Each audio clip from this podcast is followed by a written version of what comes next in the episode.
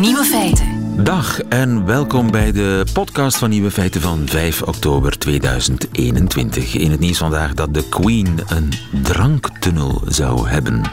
Althans, volgens de man van prinses Eugenie dochter van prins Andrew. Die meneer, die aangetrouwde prins, die organiseerde onlangs een feestje waar ook de royalty watcher van de Daily Mail was op uitgenodigd. Een feestje met veel drank, want de man van de prinses is tequila-verkoper. En dus de tongen kwamen nogal snel los. En tegenover die royalty watcher zou de man verklaard hebben dat onder Buckingham Palace een geheime tunnel loopt die exclusief bedoeld is voor drankgebruik. Die tunnel zou namelijk naar de Duke's Bar lopen. Een bar naast Buckingham Palace, waar naar verluid de beste martinis ter wereld worden geserveerd. En volgens die tequila-verkoper, die aangetrouwde prins, zou de Queen iedere avond een martini drinken en daarvoor gebruik maken van die tunnel. Tuurlijk hebben we dit even gecheckt met onze eigen Queen-kundige Flip Feiten en die ontkent ten stelligste dat de Queen graag martinis drinkt. Gin du Bonnet is haar drankje. De andere nieuwe feiten vandaag. De fiets van de toekomst die heeft ABS en andere veiligheidsnufjes. De Nobelprijs Fysica is uitgereikt aan de grondleggers van de klimaatwetenschap. In Amerika is getest of katten het leuk vinden als u uw sjaaltje achterlaat in het kattenhotel. En het is dinsdag vandaag en op dinsdag komt de nieuwe feiten checker langs. En de nieuwe feiten van Hugo Matthijssen, die hoort u in zijn middagjournaal. Veel plezier. Radio 1. Gaat uw kat als u op reis gaat naar het dierenhotel en laat u daar dan een kledingstuk achter, een sjaal of een trui of een schoen, in ieder geval iets dat heerlijk naar u ruikt, bij wijze van troost voor uw poes. Werkt dat of werkt dat niet? Dat hebben ze onderzocht in Amerika. Christus Joshua, goedemorgen. Ja, en ik kan eigenlijk meteen, als je dat graag hebt... Met nee, nee, nee, nee. Nee, nog niet met de deur in huis. Maken, spannend maken, spannend maken. We houden het spannend. We houden het spannend. Eerst en vooral, ik vind het heel vreemd dat ze een experiment doen met katten om te checken of de geur van hun baasje troostend werkt in zijn afwezigheid. Want mijn ervaring is dat mijn kat alleen maar geïnteresseerd is in eten, niet in mij. En zolang ze in haar vertrouwde omgeving zit, en eten krijgt, dan is er, zijn er geen klachten. Ja, maar dat, is mijn uh, idee. dat zegt meer over jou en over jouw kat, lieve. En mijn achterlijke over, ideeën. Ja, en uh, uh, vastgeroeste ideeën misschien. Dat klopt dus niet. Dan over de kat in het algemeen. We weten eigenlijk pas sinds twee jaar dat katten, net als kinderen en net als honden, maar waarvan we het al veel langer weten, last kunnen hebben van verlatingsangst. Het is te zeggen wanneer de baas het huis uit is, ja, stressvol gedrag tonen, gaan miauwen, gaan rusteloos rondlopen, in de ergste gevallen dingen afbreken en zichzelf pijn doen. Dat weten we dus al sinds een tweetal jaar. Uh, wat we zeer zeker ook weten, en dat moeten we zeker niet van tafel vegen, is dat de geur voor de kat eigenlijk een van de belangrijkste zintuigen is. De neus is eigenlijk het belangrijkste zintuig. En katten zijn zeer erg gevoelig aan hun eigen geur. Als je gaat verhuizen uh, en zo'n kat komt in een nieuwe woning terecht, dan kan die helemaal van slag zijn. Dus blijft het verstandig om uh, uh, ja, een dekentje dat in haar eigen mandje heeft gelegen, om dat mee te nemen naar die nieuwe woning, om die kat toch een klein beetje rustiger ja, te krijgen. En vandaar dus dat het logisch lijkt om je eigen sjaal, je trui, Ja. whatever, een pyjama achter te laten in het dierenhotel als Ja. jij lekker op vakantie vertrekt. Ja. Eh, eh, laat me eerst nog even terugkomen, als ik mag, naar algehele psychologie en het begrip eh, duurzame hechting, wat ze in het Engels eh, secure base effect noemen. Ga je vooral als, je gang. Als een, als een kind opgroeit, lieven, eh, eh, dan groeit het het beste op wanneer er een ouder bij is eh, waar het kind naartoe kan gaan in geval het onzeker is, in geval het bang is. Daarom noemen ze dat een, een, een, een goede hechting of een secure base effect. Het, het kind gebruikt de ouder eigenlijk om van daaruit uit die vreemde en soms intimiderende omgeving te gaan bekijken. Het kind kijkt ook van, ah, er komt een vreemde in huis, maar papaatje lacht ermee of lacht ernaar, dan zal het wel een lieve vreemdeling zijn. Dat effect zie je met, uh, uh, niet alleen tussen kinderen en volwassenen, je ziet het ook tussen jonge dieren en hun volwassen ouders, maar je ziet dat effect ook bij volwassen honden en hun bazen. Dat is al een beetje vreemder. Eigenlijk mensen die zeggen, die een uh, hond aanspreken met mama is hier met het eten of kom eens bij papa. Ja, dat klinkt belachelijk, maar eigenlijk wetenschappelijk is dat nog zo dwaas niet. En we weten dat dat effect ook speelt bij katten. Bijgevolg kun je dat eigenlijk ook aan een proef onderleggen. Dat noemen we de vreemde situatietest. Je brengt een dier in een ruimte waar die nog nooit geweest is. Daar zit hij met zijn baas. En dan ga je kijken, als die baas de ruimte uitgaat, wat gebeurt er met dat dier?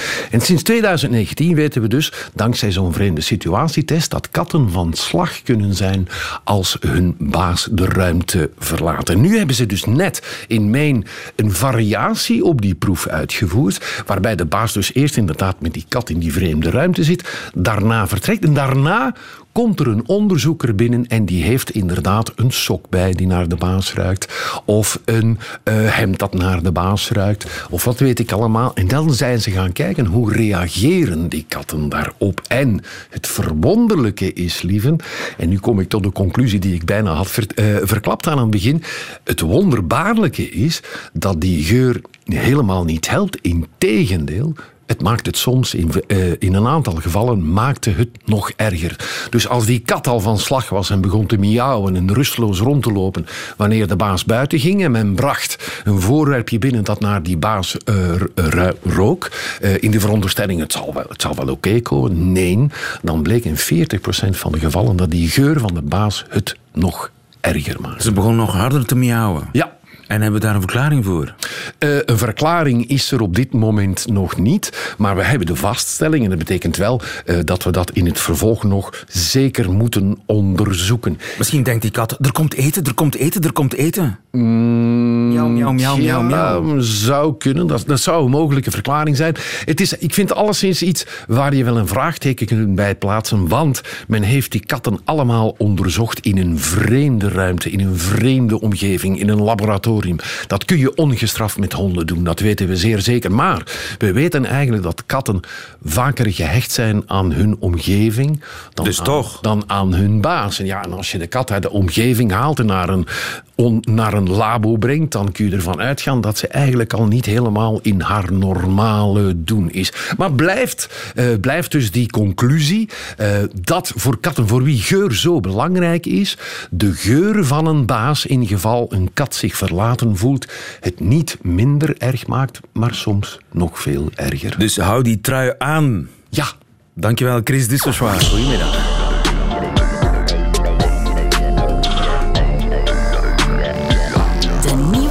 Feitenchecker. De nieuwe feitenchecker en die heet Rien Emery. Goedemiddag, Rien. Goedemiddag, lieve.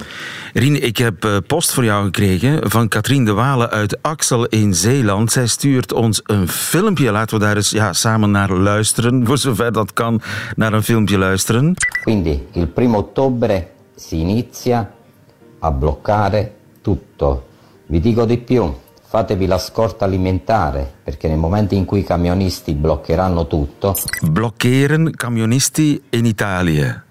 Zoveel heb ik begrepen. En op die beelden was ook inderdaad te zien hoe heel vele truckchauffeurs wegen blokkeerden. En dat zou dan uit protest zijn gebeurd tegen de Green Pass, de Corona Pass. Eh, zonder zo'n uh, Green Pass mogen truckchauffeurs binnenkort niet meer in wegrestaurants binnen. Nu schrijft uh, Katrien uit Axel dat ze die filmpjes op vele websites heeft zien opduiken, ook van kranten, maar niet in het televisiejournaal. Dat ja. is toch wel een mysterie. Ja, het, het, het, klopt dat ze niet in het journaal zaten. Uh, of ze in, op krantenwebsites stonden, dat betwijfel ik zelfs. Maar um, er is een goede reden voor. Ah, heb jij die Namelijk, filmpjes onderzocht? Ja, er, zijn er, er, er, waren er heel, heel veel. Dus vorige week was er echt een protest gepland. Gepland op sociale media, in telegramgroepen, in private chatgroepen was er een protest gepland om met de Italiaanse vrachtwagenchauffeurs te proberen het land lam te leggen. Als protest tegen de Green Pass. Green Pass, eh, het coronapaspoort van Italië. Juist. Ehm, het land lam leggen in de zin van we gaan vertragen, we gaan uh, autosnelwegen blokkeren of beginnen blokrijden aan 30 km per uur zodat ja, de bevoorrading van de supermarkten niet meer gebeurt, zodat er echt eh, chaos ontstaat in het land. Om te tonen van het is ons menens, we zijn er echt tegen. Dat ja. was gepland en dat ging normaal gezien beginnen maandag, vorige maandag en een hele week duren. Ja. Um, maar die beelden die tonen inderdaad die chaos ja, in het land. er, was een, er was een hashtag op sociale media, hashtag camionisti. En inderdaad, je zag de hele tijd zo'n filmpjes passeren. En er waren enkele filmpjes die wel degelijk echt zijn. Dus eh, je zag, af en toe zag je mensen vertragen op de autosnelweg en een statement maken. Maar het filmpje dat we daarnet gehoord hebben, um, dat was fake. Dat was niet echt. Dus maar hoe onderzoek je of die beelden echt zijn of niet? Hoe weet je dat? Dat, dat, er, zit, er zijn er speciale plugins voor waarbij je kan met eigenlijk twee klikken onderzoeken, zoeken echt op het internet op beelden, dus zelfs videobeelden. En als we dat doen, dan zien we meteen, dit is een filmpje uit maart 2020. Het is de, we zien de haven van Genua. En het zijn uh, havenarbeiders in Genua die eigenlijk betoogden, echt betoogden toen, om uh, betere sanitaire maatregelen te krijgen en zich beter beschermd te voelen tegen het coronavirus. In maart 2020, het begin van de pandemie. Dus je kunt uh, de filmpjes redelijk makkelijk dateren? Ja, dat is, dat is niet zo moeilijk. Maar het probleem is natuurlijk, heel veel mensen doen het niet. Want er was een actie aangekondigd. Uh, het is misschien wel logisch dat je dan inderdaad uh, vrachtwagenchauffeurs ziet uh, autosnelwegen blokkeren. Dat, dat, dat, lijkt logisch. En als het logisch lijkt, doen mensen vaak de moeite niet om het te checken of het klopt. Ja. Um, dat was dus een heel verhaal dat 35.000 vrachtwagens zouden de snelwegen gaan blokkeren.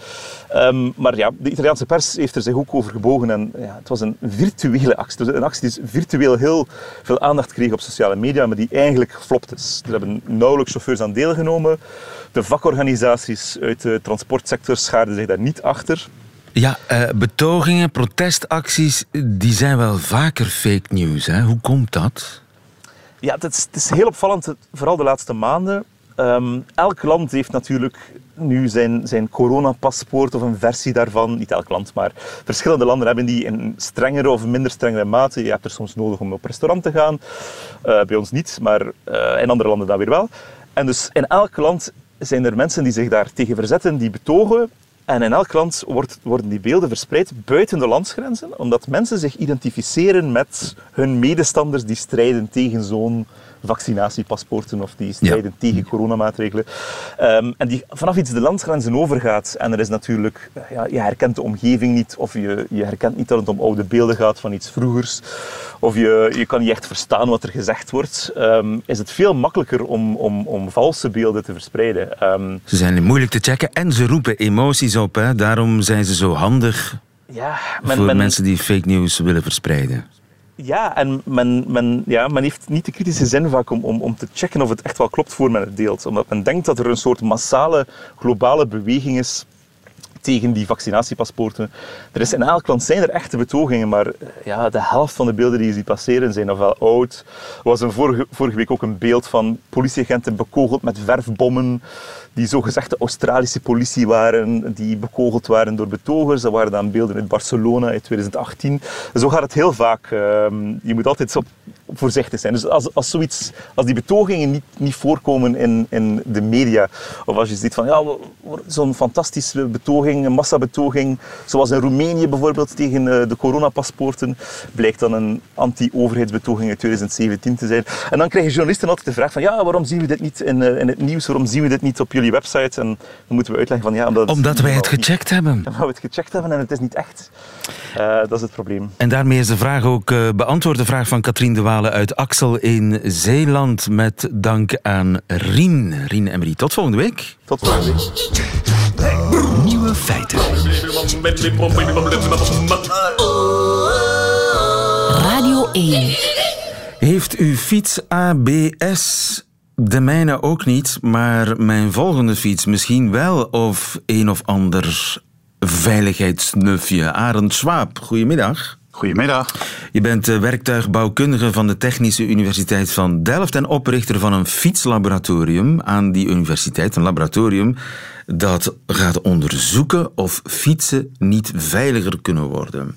Nu, auto's die zijn de voorbije 30, 40 jaar veel veiliger geworden. Wat hebben ze allemaal gekregen? Airbags, gordels natuurlijk in de jaren 70, ABS, voetgangersdetectie tegenwoordig.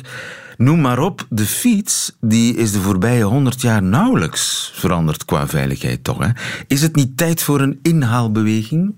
Ja, inderdaad. En de tijd is ook heel erg rijp als je ziet wat voor soort fietsen er momenteel zijn. En dat zijn al die e-bikes die uh, steeds meer komen. En die maken ook mogelijk om ineens wat meer innovatie op die fiets te gaan doen. En bijvoorbeeld, ik zei ABS, hè, van, van die uh, remmen die ja, slim zijn. Uh, dat bestaat voor auto's al hoe lang? 20 jaar, 30 jaar misschien? Langer? Geen idee? Ja, lang. ja, ik weet ook niet precies hoe lang. Maar Komt lang. dat eraan voor uh, fietsen? Ja, voor fietsen komt dat er zeker aan. Uh, door Bosch e-bike systems is dat al ontwikkeld eigenlijk voor mountainbikes. En ik verwacht dat dat binnenkort ook wel uitgerold wordt gewoon voor e-bikes. En dat is wel nodig, hè? want ik ken iemand die op de eerste dag dat hij met zijn e-bike reed een, een geweldige smak heeft gemaakt omdat hij te hard geremd had. Ja, dat zou heel goed kunnen. Ja. En dat zijn dan remmen die, die minder hard remmen. Ja, ABS is een heel slim systeem. Die heeft door dat je wiel dreigt te blokkeren en dan vermindert hij de remdruk een beetje. En zo doet hij een soort pompend remmen. Wat je eigenlijk leert bij je, bij je autorijles van als het glad is, dan moet je pompend remmen. Dat kan hij vanzelf. En qua verlichting, ziet u daar in de toekomst nieuwigheden? Absoluut. We zagen recent al een vernieuwing van de Batavus. Dat een achterlicht die een rode V op de grond projecteert. Zodat een achteropkomend verkeer, dat je duidelijker zichtbaar bent daarvoor. Die een soort veilige zone creëren. Maar denk bijvoorbeeld eens aan, aan richtingaanwijzers. Ik vind het zelf, ik weet niet hoe u dat vindt. Maar ik vind het zelf heel lastig om mijn hand van het stuur te nemen en dan uit te steken. Soms is dat wat gevaarlijk. En je zou eigenlijk, waarom zou je geen richtingaanwijzers uh, elektrisch op je fiets doen? Ja, waarom bestaat het eigenlijk niet al veel langer? Ja, ik weet het niet. Het is zo simpel. Misschien omdat anders je dynamo uh, voortdurend moet aanstaan. Je moet wel elektriciteit hebben natuurlijk hè, voor uh, Precies. richtingaanwijzers. Precies, maar die, die tijd is nu voorbij met de e-bike, waarbij we dus die grote accu hebben die eigenlijk al die dingen kan, uh, kan doen. Uh, achteruitkijkspiegels zie je meer en meer. Hè? Die zie je al. Ik, heb, ik vind het. Uh, ik, ik, ik, weet niet. Ik, ofwel ben ik daar ouderwets in. Maar ik, ik denk soms. Uh, ja, dat steekt uit. Dat kan andere mensen, voetgangers, verwonden. kun je niet Correct. een beetje achterom kijken? Dat is toch zo moeilijk niet? Correct, u heeft helemaal gelijk. Maar uh, ik, ik moet wel zeggen, ik, uh, ik probeer natuurlijk van alles uit. Dus ik heb ook die achteruitkijkspiegel op mijn fiets uh, gezet. En ik vind het wel heel erg makkelijk hoor. um, want ik hoef niet meer die vervelende handeling van over mijn schouder te doen. Terwijl, hè, en waarbij ik dan ook meestal van richting verander als ik dat doe. Want ja, dat stuur gaat bijna vanzelf mee. Uh, en ik mis wat er voor me gebeurt. Uh, verdeelde aandacht. Ja, dat, dat hoeft eigenlijk niet met zo'n achteruitkijkspiegel. En dat is niet gevaarlijk voor voetgangers als je een voetganger raakt? Ik heb dat zelf nog nooit meegemaakt. Airbags, nog zo'n systeem. Uh, is, is dat denkbaar op de fiets? Uh, het, het, is al aanwezig. Nou, op de fiets. Meestal doen we bij de fiets dat we niet de fiets uitrusten met airbags, maar de berijder beschermen. En dan bestaat er al iets uh, van Heuving, een soort uh, een helm, een soort airbag in je nek die dan helemaal ontpopt als een soort helm over je hoofd. Dat bestaat al, is te koop, het is wel vrij duur. Maar waar, waar men nu mee bezig is, is een airbag die je onder je broek kan dragen en die je heup beschermt. Nou, dat zou niet voor iedereen, denk ik, zo geschikt zijn of nodig zijn. Maar dat is, is vooral voor ouderen bedacht. Um, Dan krijg je automatisch een soort voor... instant hoepelrok, als het ware. Ja, hoepelrok is een beetje overdreven, maar het maakt gewoon een soort uh, uh, zacht kussen waar, waar, je eigenlijk op valt. Een tweede kont. Ja, een tweede kont. U zegt dat heel mooi. Wie droomt er niets van? Nu, ja. uh, antivalsystemen. Ik zit maar luid op na te denken, hè? Ja, uh, dat, dat zijn we eigenlijk nu aan het ontwikkelen uh, samen met Gazelle en Bosch. Dat is een systeem wat helpt de fiets balanceren. Want een van de mooie dingen van de fiets is natuurlijk dat je maar twee contactpunten hebt en zo mooi in de bocht kan leunen en zo. Maar een nadeel is natuurlijk wel dat je bij lage snelheid instabiel bent en dat je gewoon moet balanceren om overeind te blijven. Nou, dat balanceren, dat, dat, dat gaat soms niet helemaal goed. Het gaat wat lastiger als je wat ouder wordt. Um, daar hebben we een hulp voor, dat noemen we de stuurhulp, de steer assist. En die helpt je eigenlijk bij het eh, balanceren bij lage snelheid. De steer assist, en uh, hoe, hoe werkt dat? Nou, het principe van balanceren is sturen in de richting van de val. Het klinkt heel simpel. Als je naar links valt, moet je naar links sturen. En als je naar rechts valt, moet je naar rechts sturen. Uh, en dat doen we ook allemaal. Uh, om zo te balanceren. Maar je zou ook denken, oh, maar als, we, als, we, als wij dat doen, dan kan misschien een motortje dat ook doen. Dus je hebt een sensor nodig die doorheeft dat je valt. En dan een motortje die gaat sturen. Dat moet wel heel snel werken. In de, Klopt, met, de... tiende van een seconde, misschien zelfs nog sneller. Nog sneller, ja, zeker. Maar dat is het mooie van elektronica. Die kan dat veel sneller dan dat wij dat kunnen. En dus dat is nu in volle ontwikkeling door jullie? Ja. Correct. We hebben nu een prototype zijn we aan het ontwikkelen, versie 2. En uh, over een tijdje zal het op de markt komen. En heb je dat al getest en zo ook? Uh... Ja, zeker. Oh, en het werkt? Ja, het is wel heel bizar. Want ik had natuurlijk als wetenschapper ook enorme vragen van... ja, maar als je nou de bocht ingaat, hoe gaat dat dan? En dat kan dan toch eigenlijk niet, want dan moet je uit onbalans. En hoe voelt dat? En ja, eh, ja, ik ben zelf heel enthousiast. We hebben het ook wel eens op, gewoon op subjecten zo uitgetest. En ja, de helft zegt van, oh wat fijn. En de andere helft zegt, oh wat een gekke fiets, hij doet van alles. ja, is, maar misschien is het gewoon wennen. Dat denk ik ook, ja. Het is, heeft u wel eens met lane assist gereden in de auto? Dat is ongeveer een vergelijkbaar systeem wat je tussen de, de, de, de, de lijnen houdt. Um, ja, daar moeten mensen ook aan wennen, denk ik. Ja, en het, het, aantal valpartijen zou op die manier kunnen vermeden worden. Ja, uit de statistiek hebben we gezien dat uh, van ongevallen dat heel veel uh, uh, ernstige ongevallen zijn enkelvoudige ongevallen. Dus mensen vallen gewoon om met de fiets en dat gebeurt ook heel veel bij, bij ouderen. Dus wat dat betreft zou er toch wel veel ongevallen, ernstige ongevallen kunnen voorkomen. Waar ik ook van droom is een soort waze voor de fiets die mij de veiligste weg door uh, een fietshel zoals Brussel bijvoorbeeld wijst. Ja, ja, ik ken Brussel in die zin, ja. Leuk. Uh, nou, dat is heel erg in ontwikkeling op het moment. En dat komt wederom door de e-bike. Want de e-bike heeft uh, tegenwoordig ook allerlei sensoren en GPS aan boord. GPS is in eerste instantie ge gedaan tegen diefstal. Maar je kan daar natuurlijk veel meer dingen mee. Uh, en, en je kan, als je weet waar de fiets is, hè, dan kan je hem ook adviseren van nou, misschien moet je daar naartoe. Of, uh, dus die hele, die hele elektronica in die fiets zorgt ervoor dat, dat fietsen connected worden. Dus dat is een soort naar de cloud informatie sturen van wie ben ik, hoe hard ga ik, waar ben ik, waar wil ik naartoe. En dat de cloud je dan gaat adviseren van uh, nou, dan moet je maar zo rijden. Of je moet misschien iets harder of iets langzamer. We gaan een schone fietstoekomst tegemoet. Dus over een jaar of vijf, zes is de fiets en met name dan de e-bike uh, tien keer veiliger geworden dan vandaag. Nou, dat getal 10, daar wil ik me niet op pinnen. Maar ik wil wel voorspellen dat het daardoor wel veiliger in het verkeer wordt. Ja. Arend Swaap, dankjewel. Nog een fijne dag. Graag gedaan. Radio 1. Nieuwe feiten.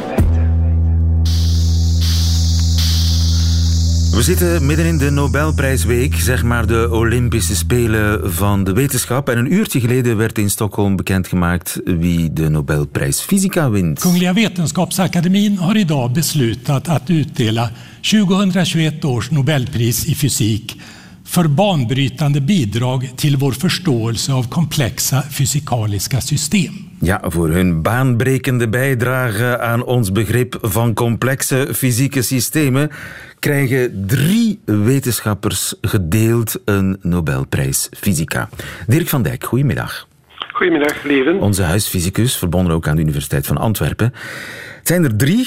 Uh, zullen we ze alle drie eens bekijken? Want ze hebben alle drie te maken met ja, complexe fysieke systemen. Dat is juist, dat is waar. Dat is waar. Uh, zo, uiteraard Manabe en Hasselman over het weer. En dan uh, Parisi meer over de fundamentele statistische fysica van dingen. Maar Manabe zo- en Hasselman allebei voor hun bijdrage eigenlijk aan de klimaatwetenschap. Absoluut, absoluut. Natuurlijk, Manabe is er al van bezig van in de jaren 60. Hij was een van de allereerste die, die, die aantonen hoe belang dat dus de straling, hè, dus ook het, het, het laten we zeggen, het, het, eh, het eh, klimaat, het eh, broeikasgaseffect een rol speelt. Hè. Hoe de stralingsevenwichten en ook de samenstelling van de atmosfeer een belangrijke rol kunnen spelen in het doorlaten van warmte en het terugkaatsen van warmte, dus in het stralingsevenwicht en dus ook in de temperatuur. Dat is de allereerste die dat gedaan heeft. En eh, op Dus een eigenlijk- fysische model. Hij heeft dus ook fysische modellen gemaakt om die, die stralingsbalans eh, eigenlijk eh, bijna, bijna wiskundig uit, uit te kunnen leggen. Ja. Dus, dus de verhoging van de CO2 zorgt Ja. voor een opwarming van het klimaat. Dat is, daar Inderdaad, is hij ook eigenlijk de waarom, pionier ook waarom en hoe dat die concentratie dan een rol speelt. Hè. Dus het is, hij heeft dus ook modellen gemaakt om dat ook te kunnen testen en dat te kunnen gebruiken. Ja. Ja. En dan eh, Klaus Hasselman, dat is Ja. Eh, later, hè? Want Dat Manabe is jaar jaren later, 60. ja. Dat is ja, 70 jaren 80. Wat hij gedaan heeft is... Wel, men hoopt, men probeert natuurlijk een klimaatmodel te maken dat betrouwbaar is. Hè. Dus wat gebeurt er op een termijn van 10, 20, 30 jaar? Hè? Als we vandaag eh, beslissingen nemen tegen, laten we zeggen, 2050, is dat gebaseerd op klimaatmodellen die toch een zekere betrouwbaarheid hebben. Maar het weer zelf is totaal onbetrouwbaar. Men slaagt er nog niet in het weer binnen 14 dagen te Ja, voorspellen. dat is chaos eigenlijk. Ja, dus eigenlijk is het chaos. Hè. Het is een beetje gelijk, ik, leg een steen, ik heb een steen verlegd in de rivier op aarde. Je doet een klein ding, maar dat verandert heel het vervolg. Dat is ook met weer zo. En men zegt soms het vliegen van een vlinder kan het weer beïnvloeden binnen 14 dagen. Dus als dat toevallig eh, versterkt wordt door factoren. Wat dan Hasselman gedaan heeft, is eigenlijk uitgaande van die weer, die, die eh, laten we zeggen, die weersvoorspellingen, daaruit een soort klimaatmodel gefilterd. Zodanig dat die variaties daaruit, daaruit kunnen verdwijnen. Dus men probeert het lange termijn effect eruit te halen bovenop die variaties, eh, die weersvariaties die op korte termijn zijn. En dat is ook wiskundig in geslaagd. Wiskundig ik bedoel fysisch, maar dat zijn dan theoretici die daar dus een wiskundig model voor maken. Maar dat nu ook toelaat van als je de genoegde input geeft, van daaruit te voorspellen wat de temperatuur is. En wat hij ook gedaan heeft, is daar de invloed van de mens op, eh, bij ingevoerd. Dus de invloed van de mens op de CO2, de invloed van de CO2 in, eh, in het, in het eh, klimaatmodel en dan op termijn de temperatuurstoename. Maar nu ook, eh, ik heb onlangs presentaties gezien, een van de dingen die onder andere... wij hebben ook Belgische klimaatspecialisten die daaraan meewerken. Dus eh, eh, een van de dingen die men daaruit vindt is niet alleen dat de temperatuur toeneemt. Oké, als de temperatuur toeneemt met 2 graden zou je kunnen zeggen, oké, dan wordt dat hier de temperatuur van Madrid of zoiets. Nee, men voorspelt ook die, die, die, die stormen eh, die eruit komen. Dus die, die abnormale eigenschappen, dat die ook meer gaan voorkomen. Niet dat die voorspelbaar zijn, van dit jaar gaat dat gebeuren, maar toch dat, die, dat er meer en meer van die extreme situaties, dat komt, ook uit die modellen uit. Ja, dus eh, de, de, het Nobelprijscomité heeft eigenlijk de klimaatwetenschap willen ondersteunen. Toch ook een beetje een, een politiek statement willen maken misschien. Ik eh, denk het ook. Ik denk dat daar Greta Thunberg onrechtstreeks, allee, ik bedoel de klimaatsituatie wel een, een rol speelt, absoluut. En dan die derde, die heeft niet rechtstreeks met de klimaatwetenschap te maken, maar eerder met de, ja, de theoretische basis daarvan. Ja, maar onderschat dat dus niet. Hè. Dat, is, dat, is een, dat is een echte homo universalis. Hè. Parisi. Dus Parisi, ja, ja. Dat is Parisi is een... eh, Giorgio Parisi werkt in Rome. Hè. De, die twee anderen die, die, ehm, die klimaatmannen waren... Dus Matabe was in de Verenigde, eh, in de Verenigde Staten, Princeton en Hasselman in Duitsland, Max Planck Instituut. Maar Parisi is, is een Italiaan, die werkt in Rome. En die is al begonnen ook in de jaren 70 met een toenmalig onopgelost probleem. Dat noemde men spinglazen. Goed, ik ga nu niet in details. Nee. Maar dat heeft te maken met wanorde in materialen, in, in, in kristallijne Ja, structuren. dus eh, Parisi is, als ik het kort zeg, want we moeten het een beetje kort houden, Ja. iemand die orde in de wanorde kan scheppen of kan zien. Absoluut, en die heeft oplossingen gegeven die nu gebruikt worden. Niet alleen elementaire maar ook vaste stof, maar ook zwermen van vogels kunnen uitgelegd worden. sociale netwerken en zelfs het periodisch optreden van ijstijden. Dat zijn allemaal problemen die de mensen nu kunnen oplossen dankzij een soort universele techniek die heeft aangebracht om binnen complexe, uh, complexe systemen toch eenvoudige patronen te zien. En die patronen zijn universeel geldig. Het is niet alleen omdat het voorkomt in een kristal, dat het niet zou kunnen voorkomen in de natuur, bijvoorbeeld bij vogels of in dit geval ook bij polymeren, bij proteïnen. Er zijn enorm veel toepassingen omdat het een klasse van systemen bevat die vroeger niet konden opgelost worden en door hem nu wel opgelost kunnen worden. Dus daar zit een enorme weerwaarde, generieke weerwaarde in voor de wetenschap. Ja, want een kleine steen verleggen kan soms heel grote gevolgen hebben. Dankjewel, Dirk van Dijk. Nieuwe feiten. Radio 1. Dat waren ze, de nieuwe feiten van 5 oktober 2021. Alleen nog die van Hugo Matthijssen krijgt u in zijn middagjournaal. Nieuwe feiten. Middagjournaal. Oei, het is zover, dacht ik. Het eerste Studio 100 kinderziekenhuis is een feit. Het stond in de krant. Ten prooi aan een zekere verwarring legde ik de tablet neder. Wat moest ik daarvan denken? Slechts langzaam drong het tot mij door dat ik het artikel misschien iets te haastig had gelezen, want ja, ik behoor tot een generatie die nooit echt heeft geleerd zorgvuldig om te gaan met de media. In mijn jeugd was het namelijk heel eenvoudig. Iets was pas waar als het in een katholieke krant had gestaan. Hoorden wij op de radio bijvoorbeeld dat Ronald Reagan de presidentsverkiezingen had gewonnen, dan was onze reactie: ja, we gaan toch geen kaartje met felicitaties sturen vooraleer wij morgen de standaard hebben geraadpleegd. Dat waren dus andere tijden. Maar goed, ik besloot het artikel toch maar eens te herlezen. Het viel allemaal nogal mee. In een Antwerps ziekenhuis hangen ze de baksters voor de kinderen voortaan in dozen met daarop helden uit het Studio 100 Imperium. Dat is goed voor hun genezing. Ik citeer graag een betrokken dokter.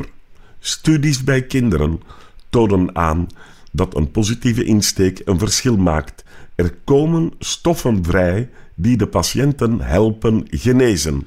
Met andere woorden, de figuren van Studio 100 zijn geneeskrachtig.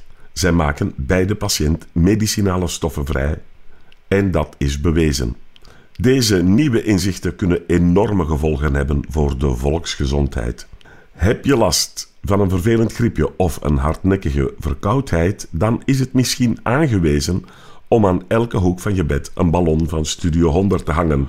Dat kost maar 32 euro, gesteld dat je bed vier hoeken heeft. Er blijven natuurlijk nog een paar vragen. Is de kop van Marie Verhulst meer of minder geneeskrachtig dan die van Boomba?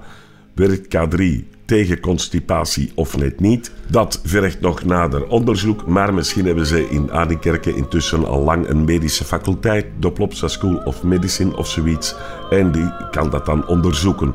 En zeg nu maar niet te gauw dat die figuren beschikken over genezende krachten. Dat is toch gewoon onmogelijk, want dan zeg ik u in het artikel stond dat Studio 100 zo'n superhelden gratis ter beschikking stelt. Oh, ik hoor het jullie criticasters al roepen. Gratis Studio 100? Onmogelijk. Maar nee hoor, zo zie je maar, het onmogelijke is vaak mogelijker dan je zou denken.